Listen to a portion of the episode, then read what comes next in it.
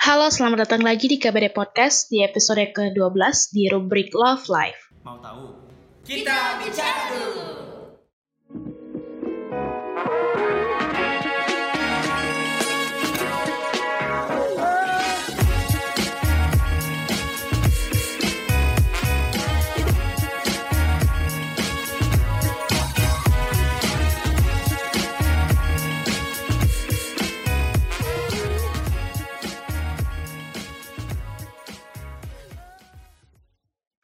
Jadi di rubrik ini ada saya Vira bersama Neni. Iya, jadi di episode kali ini kita akan membicarakan mengenai body positivity. Oke, kita start dari Neni dulu nih. Neni, pengertian dari body positivity itu apa sih? Nah, jadi uh, body positivity adalah penerim uh, proses bagaimana hidup itu melakukan penerimaan terhadap setiap perubahan tubuh yang mereka alami, baik itu perubahan bentuk, ukuran, hingga kemampuan tubuh seiring uh, kita bertambahnya usia. Jadi kita baga bagaimana cara kita menghargai tubuh kita, bagaimana kita bisa memahami uh, definisi kecantikan atau uh, ideal itu datangnya itu dari diri kita, bukan berdasarkan bagaimana penilaian orang yang justru membuat kita kesulitan dalam uh, melakukan penerimaan diri. Mungkin seperti itu kalau terkait dengan definisinya. Iya, uh, jadi ketika berbicara mengenai body positivity, kita juga perlu untuk berbicara sebenarnya kenapa sih body positivity yang sekarang itu uh, adalah dalam bentuk movement itu bisa ada. Nah, jadi kita bisa start dengan memahami kalau misalnya sebenarnya uh, first centuries company atau perusahaan-perusahaan itu telah mengkonstruk bagaimana orang-orang atau masyarakat itu perceive the ideal beauty, atau standar dari kecantikan through uh, iklan-iklan yang mereka suguhkan dan juga dari produk selling mereka. Jadi company adalah faktor yang berkontribusi dalam bagaimana orang-orang itu melihat dan perceive sebenarnya body yang ideal, yang sehat, yang cantik itu seperti apa. Nah, body positivity movement sebagai movement adalah sebentuk adalah bentuk respon dari apa yang terjadi di status quo di mana company mengkonstruksi hal tersebut. Jadi body body positivity itu muncul untuk um, let's say deconstruct atau menjadi alternatif perception atau cara pandang bagaimana sebenarnya uh, masyarakat harus melihat body mereka. Seperti yang dibilang tadi bahwa masyarakat itu sebenarnya harus melihat body mereka sebagai body yang mereka perceive sebagai beauty upon their own definition dan menerima segala hal yang terjadi dari body mereka sendiri seperti itu. Uh, jadi kan uh, tadi Kak Fira uh, sempat jelaskan bahwa uh, yang berperan besar dalam mengonstruk uh, ideal atau standard of beauty itu adalah company. Mungkin uh, bisa dijelaskan Kak uh, company seperti apa sih yang memiliki peran yang sangat besar untuk uh, menghadirkan adanya movement-movement body positivity ini? Iya, jadi uh, kalau misalnya kita ingin lihat di perusahaan-perusahaan itu company yang berkontribusi secara masif dalam mengkonstruksi standar kecantikan ideal adalah company-company bukan hanya di beauty product secara intuitif, tapi juga company-company uh, yang terkhususnya itu menjual produk yang ditargetkan terhadap perempuan. Bisa saja produk seperti uh, cooking tools, uh, alat-alat masak, dan juga uh, misalnya hal-hal yang berhubungan dengan uh, konstruksi housewives. Tapi tidak bisa dipungkiri juga kalau konstruksi dan kontribusi terhadap standar kecantikan ideal wanita itu varied termasuk terhadap iklan ataupun eh, produk-produk yang dijual yang targetnya adalah laki-laki. Nah, misalnya ka kalian bisa lihat kebanyakan kalau perusahaan tersebut menjual uh, bergerak di bidang otomotif dan menjual mobil misalnya, highlight dari iklan yang ditampilkan oleh perusahaan itu bukan hanya mobil dan ada seorang misalnya seorang pria yang mengendarai mobil tersebut, tapi juga harus ada model yang mengikuti standar kecantikan beauty yang sangat ideal di ah. dalam iklan tersebut. Nah, ini adalah juga salah satu faktor yang sangat berkontribusi terhadap bagaimana sebenarnya persepsi kecantikan ideal itu terbangun di masyarakat. Seperti itu. Ya, jadi uh, sebenarnya kita juga sebagai masyarakat mungkin tidak sadar bahwa company-company seperti ini tuh uh, sedang mengonstruk uh, pemikiran kita dan uh, standar kita terkait dengan kecantikan, uh, terkait dengan uh, bentuk tubuh yang ideal itu seperti apa, atau mungkin perilaku-perilaku uh, yang mungkin tanpa kita sadari itu mempengaruhi cara pandang kita melihat suatu uh, produk akhirnya company ini bisa mengambil keuntungan dari uh, persepsi kita yang seperti itu ya. Iya, seperti itu. Nah, lanjut ya. Kita um, sebelum kita berbicara lebih lanjut mengenai body positivity, menurut saya penting juga untuk memahami body positivity itu sebagai movement. Dan sebenarnya asal mulanya dari mana sih sampai bisa ada uh, movement atau pergerakan mengenai body positivity. Jadi, uh, menurut uh, yang saya baca dari New York Times, mereka mengatakan bahwa sebenarnya body positivity movement itu sebenarnya adalah convergence dari few movements yang telah ada sebelumnya. Nah, movement pertama yang jadi kontributor towards the creation of body positivity movement adalah movement tentang fat acceptance pada tahun 1960 by black people dan queer women untuk mereka itu nge-fight discrimination yang ada di public spaces, workplaces, dan doctor's offices.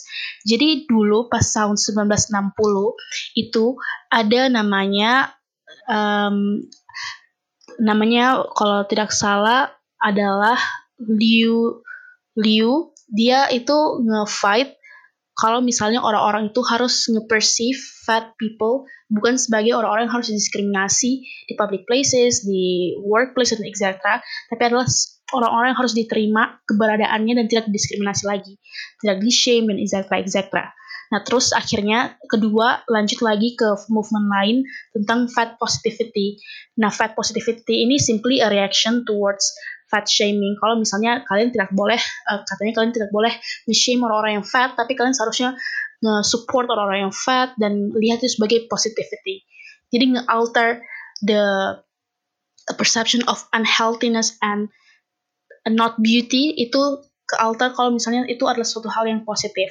Nah, yang paling terakhir adalah body positivity itu uh, akhirnya di perkembangan movementnya itu akhirnya lebih kepada side commercialization of self-esteem.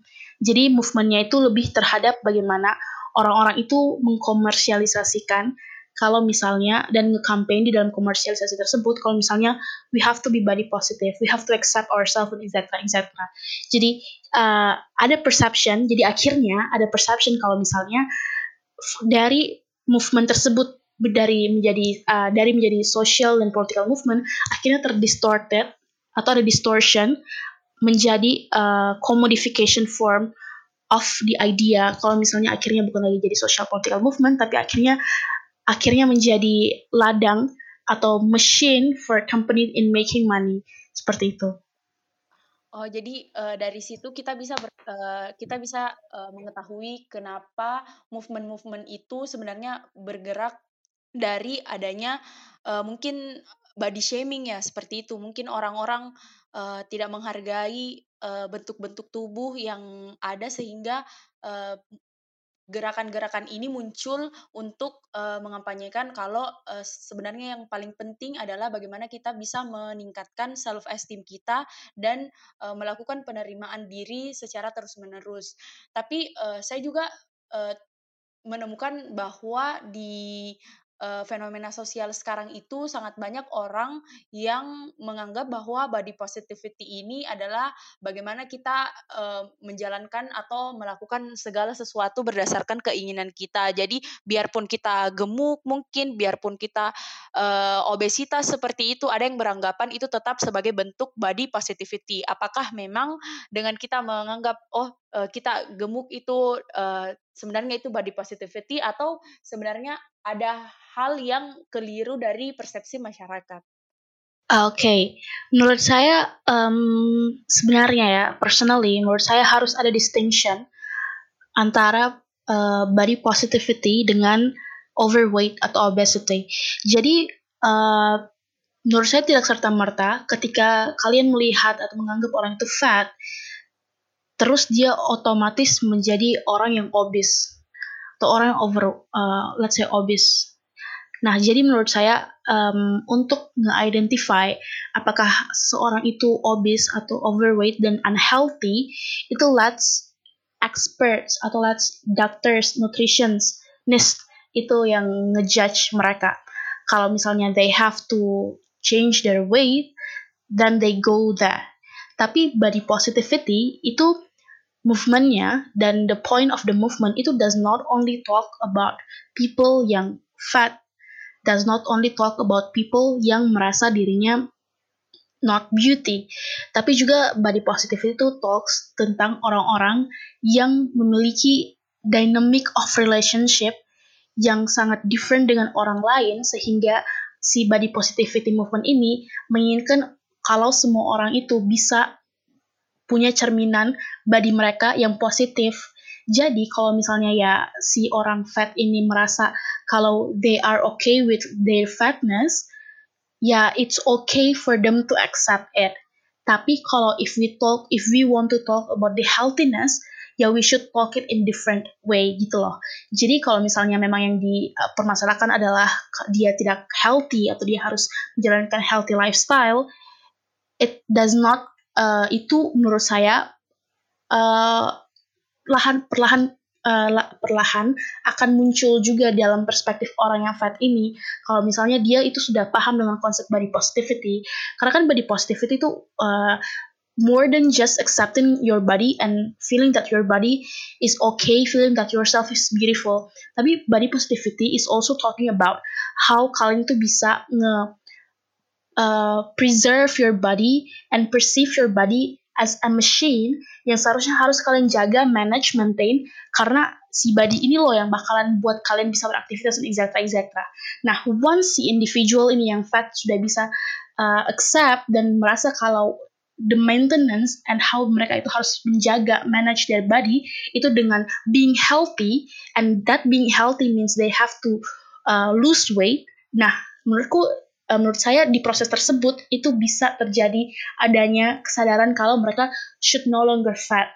Jadi ada proses distinction yang harus terjadi dulu dan harus ada proses um, uh, pemahaman konsep uh, mengenai body positivity dan selanjutnya baru bisa orang-orang itu paham kalau misalnya body itu bukan cuma tentang apakah appearance-nya bagus, appearance-nya jelek, atau appearance-nya harus di-accept, tapi juga body adalah sebuah machine yang harus kalian maintain, manage, karena body adalah the main fa uh, fa the main factor of you being productive, the main factor of you can move, dan etc. etc.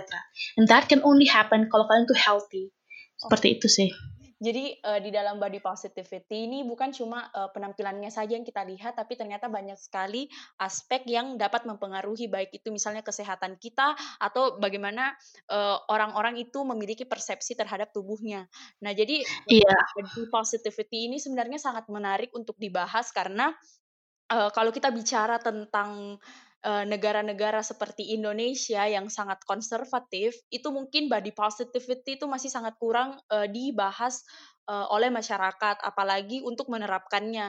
Jadi kita di sini juga berusaha untuk bagaimana bisa uh, membuat uh, masyarakat, khususnya perempuan-perempuan yang mungkin sangat banyak mengalami isu-isu uh, body shaming seperti itu, bisa empowering themselves uh, dengan adanya body positivity ini seperti itu. Jadi uh, mungkin kita bisa membahas selanjutnya yaitu apakah memungkinkan kalau misalnya body positivity itu juga bisa datang dari standar-standar uh, dari masyarakat umum uh, dari masyarakat umum saja. Jadi bukan dari bagaimana dia melihat uh, suatu company, tapi memang ada initial initial apa ya initial standar yang disusun uh, dari masyarakat atau culture culture tertentu. Oke, okay, um, menurut saya sangat possible ya. Yeah. Kalau misalnya in history ancient times, kalau misalnya si orang-orang zaman dahulu itu memang sudah punya persepsi kalau cantik itu harus putih, yeah. cantik itu harus punya skinny body dan etc. etc. Tapi uh, aside from ada sudah ada initial perception of that, company itu datang dengan nge-confirm lebih dalam lagi kalau misalnya this is what beauty is, this is what ideal body is. Hmm. Jadi uh, the perception yang sudah ada di society itu terconfirm dengan cara company itu mulai advertising mereka dan cara mereka itu ngedepict women in commercial form. Tapi juga uh, uh, dari apa yang saya pelajari di ilmu komunikasi itu sebenarnya uh, advertising dan company itu datang secara bagaimana seperti bagaimana company itu nge buat perception upon things atau certain issue itu vice versa dengan apa yang sudah ada sebenarnya di society.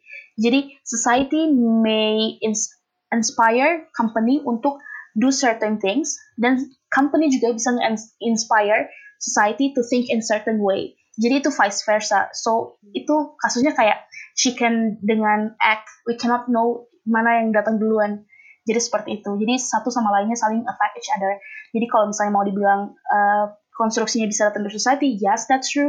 Kalau uh, konstruksinya datang dari company, yes that's true. Kalau misalnya uh, company nge-confirm dan nge-justify it more, that's really true seperti itu. Ya, jadi uh, sebenarnya sangat banyak uh, faktor yang bisa uh, mengonstruksi adanya body positivity ini. Dan, dan juga sebenarnya kalau ditanya mengenai apakah uh, body positivity itu akan bisa mempengaruhi objektivitas kita dalam melihat suatu uh, bentuk tubuh atau apa pun itu itu sebenarnya berjenjang jadi sangat bergantung pada kesadaran setiap individu apalagi company-company yang telah uh, berhasil memikat hati masyarakat dengan dengan adanya standar-standar yang mereka buat dan membuat masyarakat akhirnya menyetujui hal tersebut. Jadi kita tidak hanya memerlukan kesadaran juga, tapi memang kita perlu sama-sama berjuang bagaimana caranya agar kita bisa menyelamatkan atau kita bisa empower this movement untuk menerapkan adanya body positivity ini. Nah, iya benar sekali. Bisa bahas tentang bagaimana sih sebenarnya juga media sosial itu saat ini sangat berperan iya. besar dalam uh, ya dalam mengonstruksi uh, standar-standar atau ideal of beauty yang ada di masyarakat? Uh, menurut saya social media itu sangat berpengaruh terhadap bagaimana suatu movement itu berkembang dan bagaimana suatu movement itu akhirnya uh, berkembang dengan cara memiliki persepsi-persepsi atau hal-hal baru yang muncul. Ini contohnya sama saja dengan uh, misalnya ada yang mengatakan kalau movement feminisme itu sebenarnya adalah social and political movement, bukan movement yang bisa kalian dapat atau kalian paham dengan konsep kalian paham konsepnya dari misalnya iklan-iklan komersialisasi yang katanya mau empower women. Nah ini sama halnya dengan social media. Uh, kaitannya dengan body positivity. Jadi movement body positivity ini juga berkembang dengan adanya social media dan akhirnya terdapat definisi baru, persepsi baru yang sangat various karena adanya sosial media ini. Nah, menurut saya bagaimana sosial media itu akhirnya uh, membuat body positivity ini sebenarnya sangat gencar. Karena uh, sosial media itu sekarang jadi menjadi tempat di mana orang-orang itu bisa nge-voice out their opinion dan people can share everything free freely. Di mana mereka itu bisa uh, akses satu dengan yang lainnya mereka bisa akses apa saja di sosial media. Jadinya konsep dan bagaimana cara orang-orang itu memahami body positivity itu uh, it it all are put inside of social media and people can access that akhirnya orang itu nge-choose which perception atau which uh, movement concept yang kalian mau ambil. Makanya kalau misalnya ada orang yang bilang kalau feminisme feminisme itu sebenarnya social political movement, that's true. Kalau bisa ada katakan feminisme itu adalah uh, feminisme itu bisa didapatkan konsepnya atau bisa dipahami hanya dengan melihat misalnya iklan-iklan advertising ya seperti artikel yang telah kita publish, itu that's true karena that's what social media brought to you right now. Jadi kalau misalnya body positivity itu uh, akhirnya dipahami lewat social media dengan konsep yang tidak seperti bagaimana orang-orang dahulu itu memahami konsep body positivity sebagai social dan political movement itu bisa saja terjadi. Karena kalau mau dilihat sekarang ya di social media, itu bagaimana body positivity itu tershare itu mostly dengan cara mereka itu melihat kalau company itu nge-campaign hal-hal ini kan ya. Karena society sekarang kan lebih mudah aksesnya dalam melihat iklan iklan iklan dan iklan. Nah dan iklan-iklan sekarang itu sangat gencar-gencarnya itu nge-share body positivity. Not only uh, such kind words yang bilang kalian harus accept your body atau rambut aku kata aku ya. Tapi juga dengan bagaimana caranya mereka tuh nge-share body positivity lewat models yang mereka hire di iklan-iklan mereka. Sekarang kan kita punya uh, many types of models. Ada uh, runway models, ada model seperti Victoria's Secret models, tapi ada juga models yang uh, plus size models. Jadi this plus size models itu akhirnya menjadi representatif dari sebenarnya seperti apa body positivity body positivity itu sekarang. Karena kalau mau dilihat ya company sekarang untuk nge-share body positivity itu dengan cara misalnya mereka nge-hire plus size models dan nge uh, provide size yang sangat uh, yang range-nya itu sangat besar yang sebenarnya uh, tujuannya adalah untuk nge-accommodate people-people yang fat dan people-people yang itu plus size atau they say it curvy seperti itu. Jadi memang social media itu sangat berperan berperan ya dalam hal nge-share value body positivity ini. Ya, apalagi uh, kita semua kan banyak menghabiskan waktu untuk melihat iklan-iklan yang menunjukkan adanya, uh, gambaran penampilan seseorang atau model-model yang ditampilkan untuk produk-produk tertentu. Jadi jangan sampai, uh, kita salah paham mengenai body positivity itu. Biarpun misalnya ada company yang, uh, mengampanyekan bahwa, uh, accept your, uh, accept your beauty atau kayak, uh, appreciate your body tapi ternyata dia juga masih menggunakan model-model yang masih dis, uh, masih diterima secara uh, standar atau uh, ideal of beauty itu bisa saja um, membuat persepsi masyarakat mengenai uh, body positivity itu bisa saja keliru.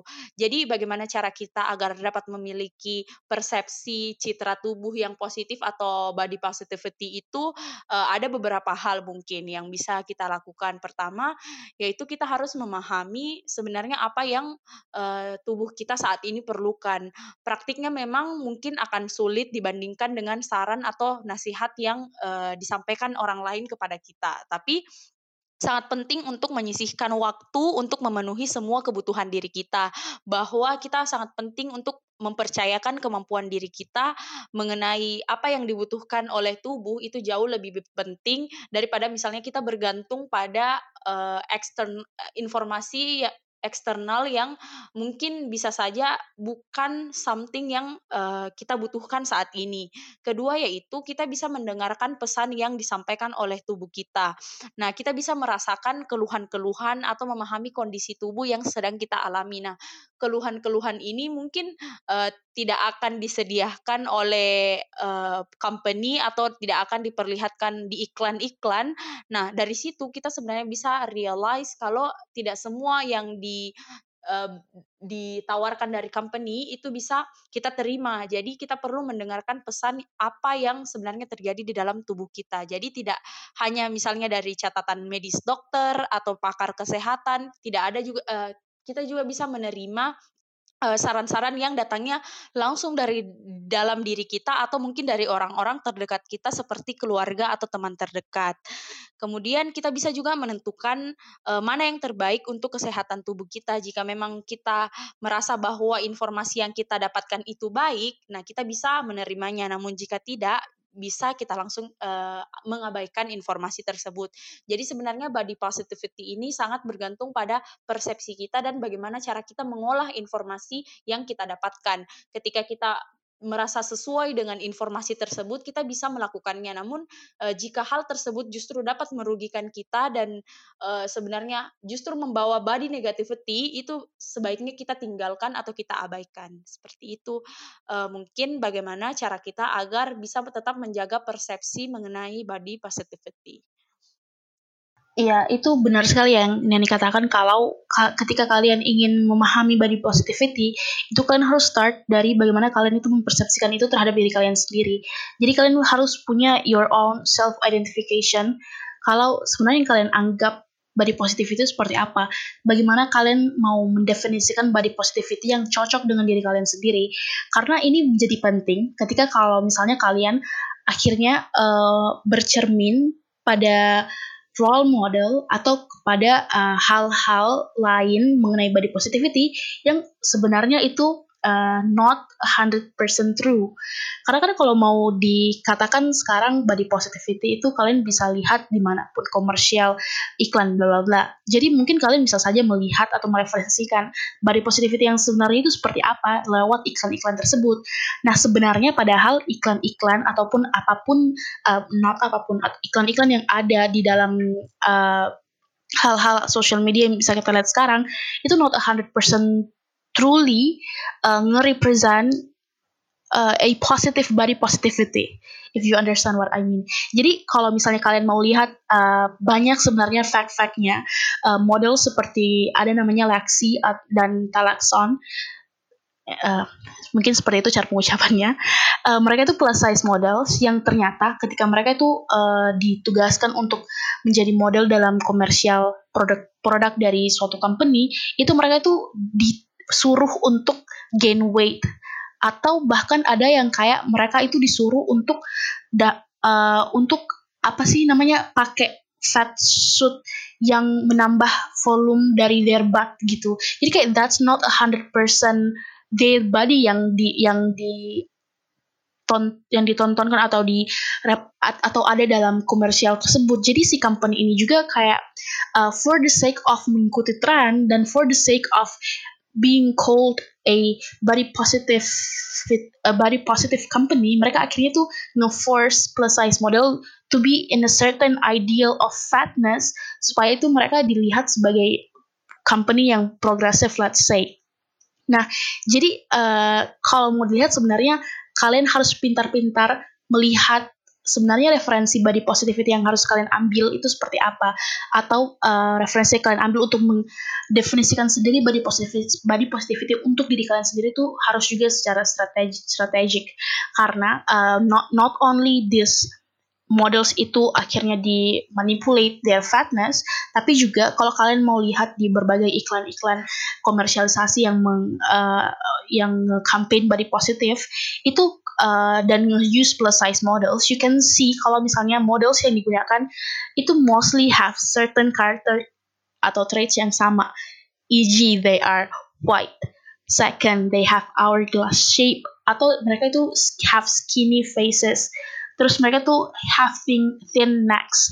Jadi ada certain characters yang juga somehow nge-conform towards ideal beauty standard yang dipakai oleh si company ini untuk nge-define what is plus size models yang mereka maksud. In which mereka ini somehow hypocrite ya kalau misalnya kayak company-nya pengen dikatakan sebagai company yang woke atau company yang aware terhadap social issues tapi akhirnya mereka menggunakan models-models yang dimanipulate fatness-nya dan akhirnya uh, models-models yang sebenarnya punya certain traits yang masih sama dengan ideal beauty standard yang sudah ada sebelumnya seperti itu. Ya, jadi uh, memang pengaruh company itu sangat besar, tapi juga uh, bagaimana uh, kembali lagi ke setiap individunya, bagaimana untuk bisa menilai apakah itu termasuk ke dalam body positivity atau uh, justru tidak. Nah, uh, kemarin juga kan sempat uh, heboh kasus tentang uh, Tara Basro yang mengupload di sosial media yang akhirnya dilapor uh, dilaporkan uh, dari kementerian bahwa hal itu merupakan konten pornografi. Nah, sebenarnya ada ada permasalahan bahwa masyarakat khususnya di Indonesia saat ini tuh agak sulit membedakan yang mana sebenarnya gerakan sosial seperti ini body positivity movement ini dengan hal-hal uh, yang uh, berbau tentang uh, tentang uh, pornografi seperti itu karena kalau kita lihat sebenarnya dua hal ini sangat berbeda karena tujuan Tara Basro untuk mengupload foto itu sebenarnya untuk empower women yang mungkin memiliki kondisi tubuh yang sama dengan Tara Basro. Tapi uh, dari sini uh, kita bisa belajar bahwa uh, bahwa uh, public figure seperti dia itu sebenarnya mengampanyekan bahwa kepercayaan diri itu adalah sesuatu yang harus kita tingkatkan. Apalagi saat ini kita dihadapkan pada uh, yang seperti Kafira tadi jelaskan company yang selalu me memberikan standar-standar atau ideal beauty itu harus seperti apa. Sehingga untuk kita bisa menerima diri kita, melakukan penerimaan diri sangat penting untuk bisa membangun uh, kepercayaan diri terlebih dahulu. Atau bagaimana uh, Kak Fira melihat situasi yang terjadi kemarin uh, kalau Tara Basro itu akhirnya dilaporkan undang undang-undang ITE kalau dia itu menyebarkan konten yang bersifat pornografi. Iya, uh, jadi menurut saya ya uh, itu bagaimana ya katanya mengatak, mengatakannya? Rasanya seperti orang orang Indonesia itu belum siap untuk melihat hal hal seperti itu. Padahal sebenarnya hal seperti itu adalah hal-hal yang mereka harus ketahui karena itu adalah sesuatu yang urgent. Kayak that's the thing that you face in every day of your life. Kadang kan tidak suka mestinya orang orang orang Indonesia kan juga tidak suka dikata dikatakan seperti misalnya um, you are not skinny enough atau you are too fat atau you have cellulite and etc etc Meanwhile, ketika ada seseorang yang nge-campaign body positivity, kalau misalnya you have to accept things inside of your body, dan mereka ada yang angry, ada yang bilang itu pornography, ada yang laporkan itu, ada yang ada yang mau tuntut Tara Basro. Jadi it's somehow things yang confusing gitu. Kayak why would they do that? Dan kenapa sih something yang seperti ini yang bagus movementnya ujung-ujungnya harus dituntut dan etc etc Padahal sebenarnya ini hal yang bagus. Nah, ini yang tadi saya katakan kalau misalnya kalian ingin mengambil referensi atau kalian mau research nih dan mau mendefine sendiri body positivity seperti apa untuk diri kalian, kalian harus pintar-pintar cari referensinya. Uh, I am proudly endorsing Tara Basro because she is good in the way that she defines body positivity dan I'm proud to say kalau misalnya I cannot endorse like companies yang saying that they are endorsing body positivity karena rasanya seperti tidak seperti itu saja kalau misalnya kalian lihat di company ya. Jadi uh, pada uh, kalau mau disandingkan nih Tara Basro is somehow good example but companies lain yang endorse body positivity with a slight more commercial way and more accepted way karena itu adalah komersialisasi akhirnya di accept accept saja sama society. Tapi karena Basro mereka nggak bisa accept karena Basro.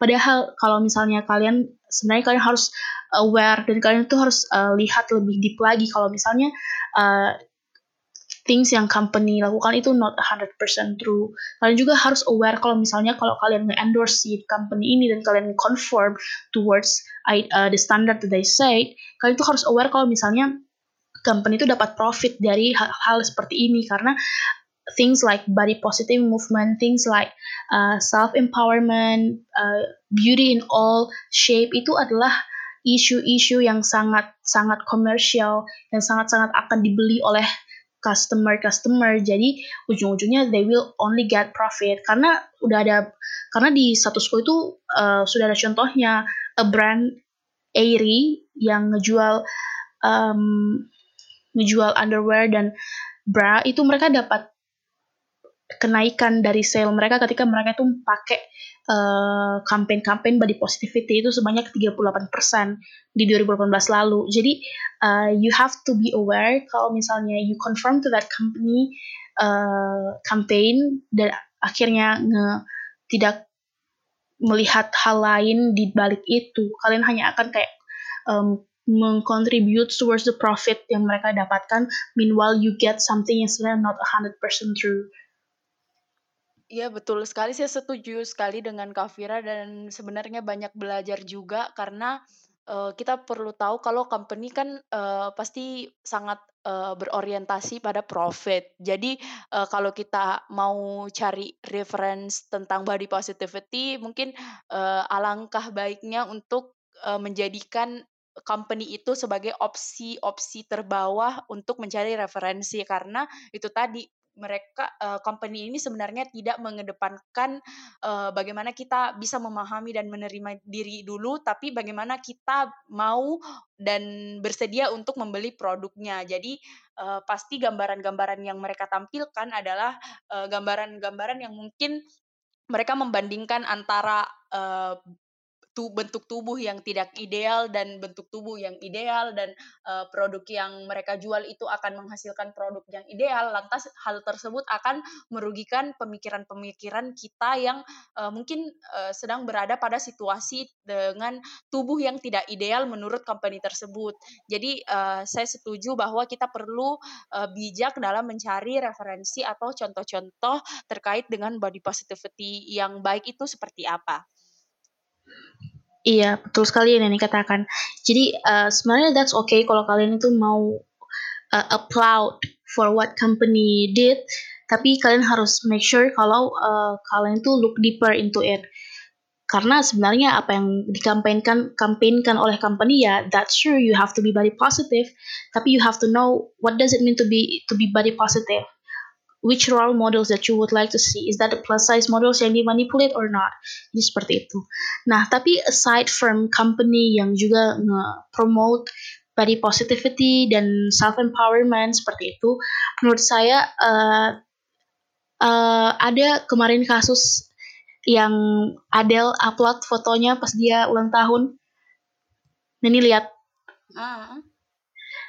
did you see? Pas uh, kemarin Adele upload fotonya pas dia ulang tahun dia akhirnya lose weight. Oh enggak enggak belum lihat. Oh iya, jadi kemarin itu ada uh, upload fotonya kalau misalnya dia sudah lose weight. That's not the point of her postingan sih, cuman uh, di foto itu dia mau congratulate herself karena dia lagi having a birthday. Terus dia no longer Adele yang dulu karena uh, size badinya itu sudah berubah. Jadi Adele sekarang itu sudah kurus gitulah intinya.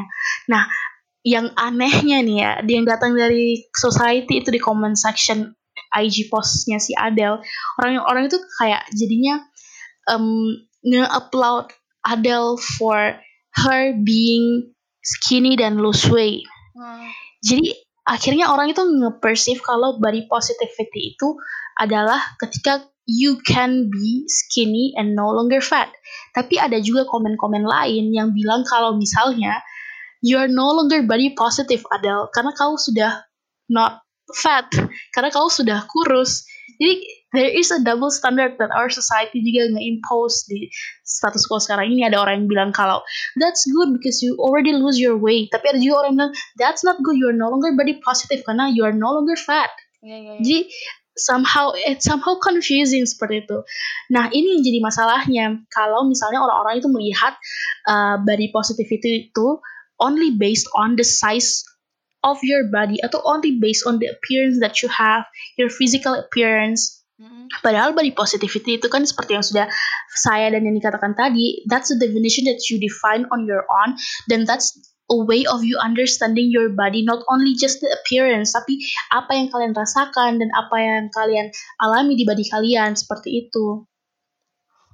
Oh jadi kak, uh, saya mau klarifikasi. Jadi tadi tentang uh, double standard itu uh, bagaimana kita harus uh, menentukan. Jadi kembali lagi ke diri kita uh, sebagai orang yang memiliki tubuh ini atau uh, kita juga perlu melihat uh, pandangan orang lain yang kayak misalnya Adel tadi kan banyak yang komen. Jadi sebenarnya komen yang benar itu seperti apa atau kita hanya kita yang dapat uh, menentukan uh, ini body positivity atau tidak um, saya lebih prefer untuk ada personalized definition of body positivity. Hmm. Jadi kalau kalian mau define body positivity upon yourself, that's okay. Tapi that's not okay ketika kalian itu ngejustified kalau she is no longer body positive ketika it's no longer based on your standard.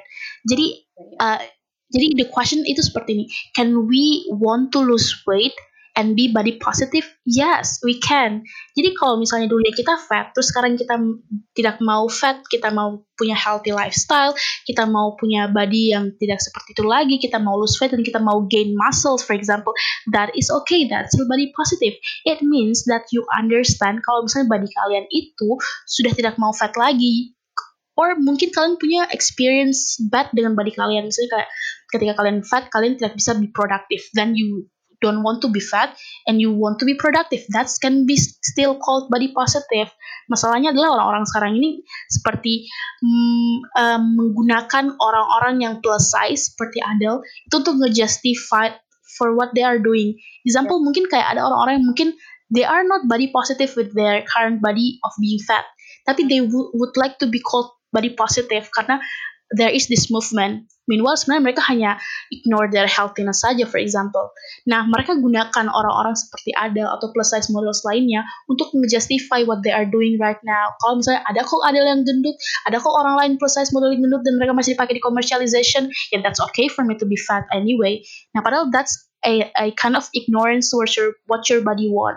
Mungkin your body itu punya sickness yang seharusnya kalian itu solusikan dan uh, dan berubah the unhealthy that you have kan tapi akhirnya mereka tidak seperti itu just because mungkin they are lazy or they don't want to have a better life ya karena mungkin uh, mereka merasa it's something normal atau uh, me melihat uh, penampilan tubuh yang uh, dilihat uh, seperti itu adalah sesuatu yang uh, bukan bukan body negativity.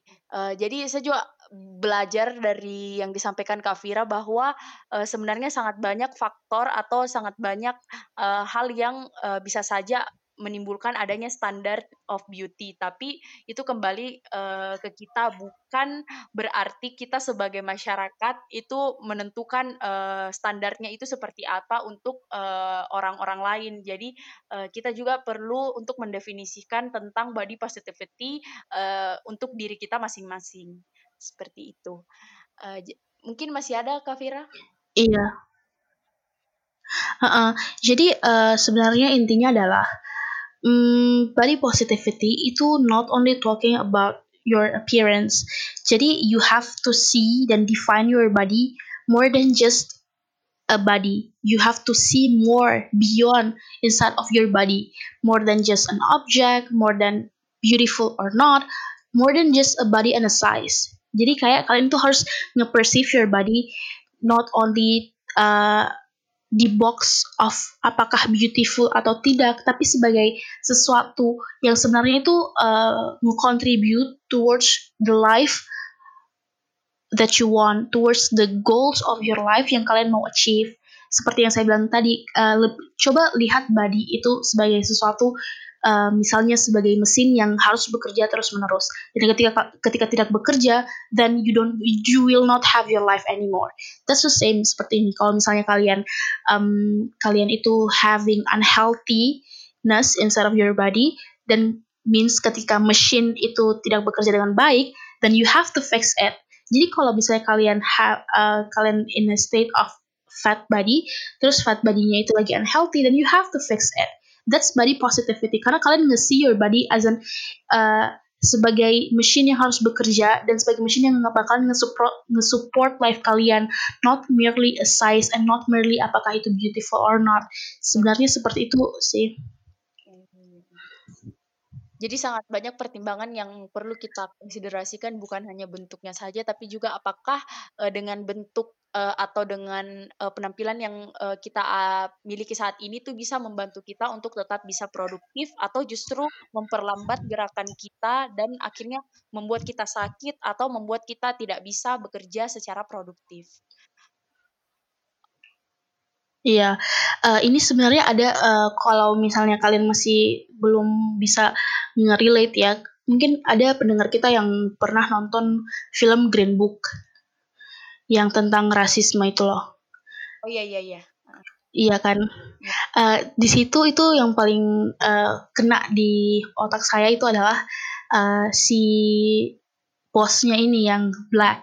Itu dibilang he is not black enough karena si black bosnya ini itu nge, somehow mengikuti culture yang tidak familiar with the black people as in community. Dia kan kaya, dia punya pekerjaan yang bagus, dia punya banyak uang, which is something yang not relatable to the black, black people community. Nah akhirnya si aktor utamanya ini dibilang you are not black enough to be black.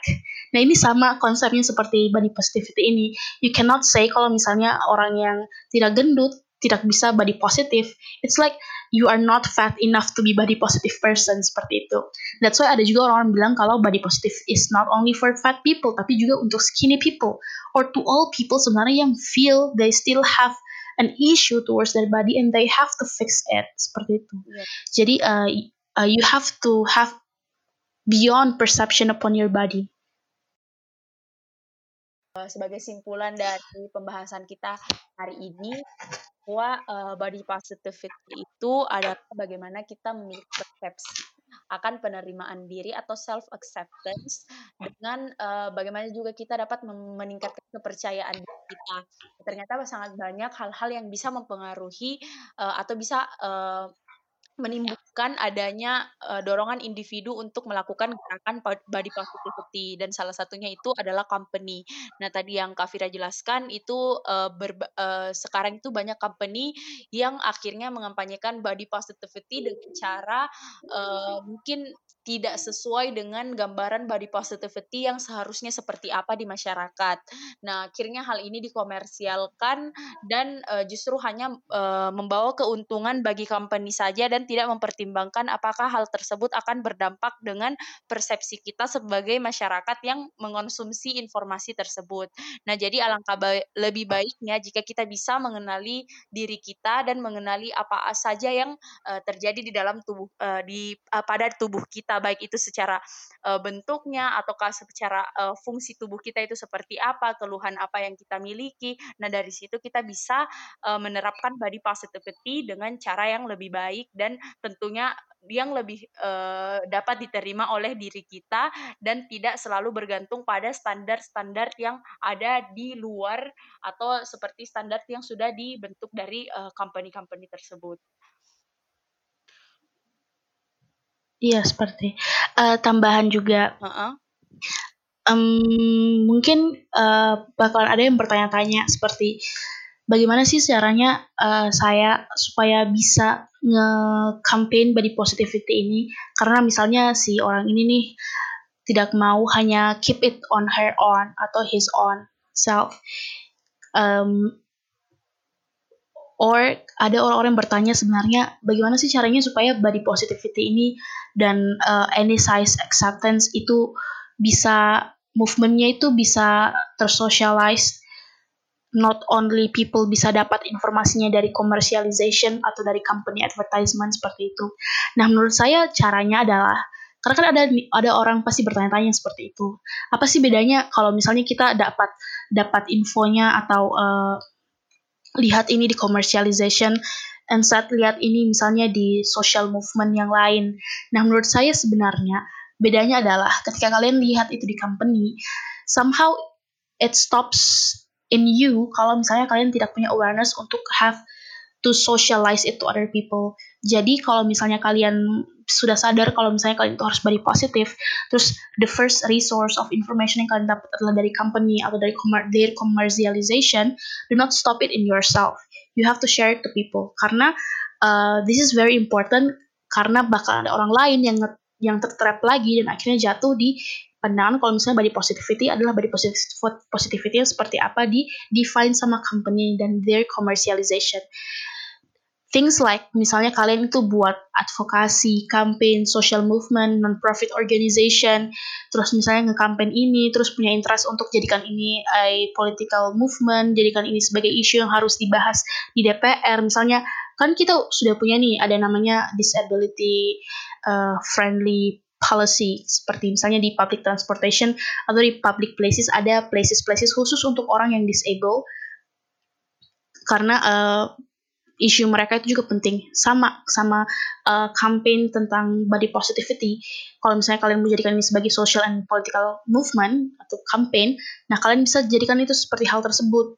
Kalian uh, bring it to the public discuss it to the public socialize it dan kalau punya interest untuk jadikan itu political issue atau political problem yang harus dibawa di misalnya di pembuatan UU nah kalian bisa misalnya ada uh, friendly places for body positive people atau insecure people atau bahkan kalian nge-enhance aja nih psychological uh, movementnya atau kayak psychologist yang buat uh, yang buat konsul ke orang-orang yang masih insecure dengan body mereka. Jadi kayak there are many things that, that you can do yang bisa ter uh, terduplicate uh, isunya atau awarenessnya seperti itu. Ya, jadi uh, kita sebenarnya punya banyak platform, jadi tergantung bagaimana kesadaran dari diri kita sendiri dulu, lalu bagaimana itu bisa di, uh, dibantu oleh berbagai gerakan atau kelompok-kelompok yang mungkin dapat mempermudah uh, apa pesan-pesan dari setiap individu uh, mengenai body positivity. Mungkin terakhir uh, ada yeah, okay yang bisa disampaikan kepada orang-orang di luar sana Kak Fira tentang body positivity ini? Um, apa ya?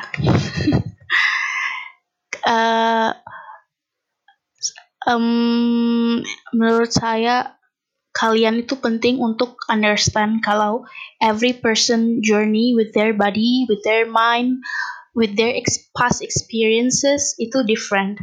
Jadi kalau misalnya kalian merasa uh, you are aware to be body positive, just be it. Kalau misalnya kalian masih masih insecure, mungkin kalian bisa cari validasi dari orang lain. That's okay. I think that's okay untuk cari validasi ke orang lain tentang body positive.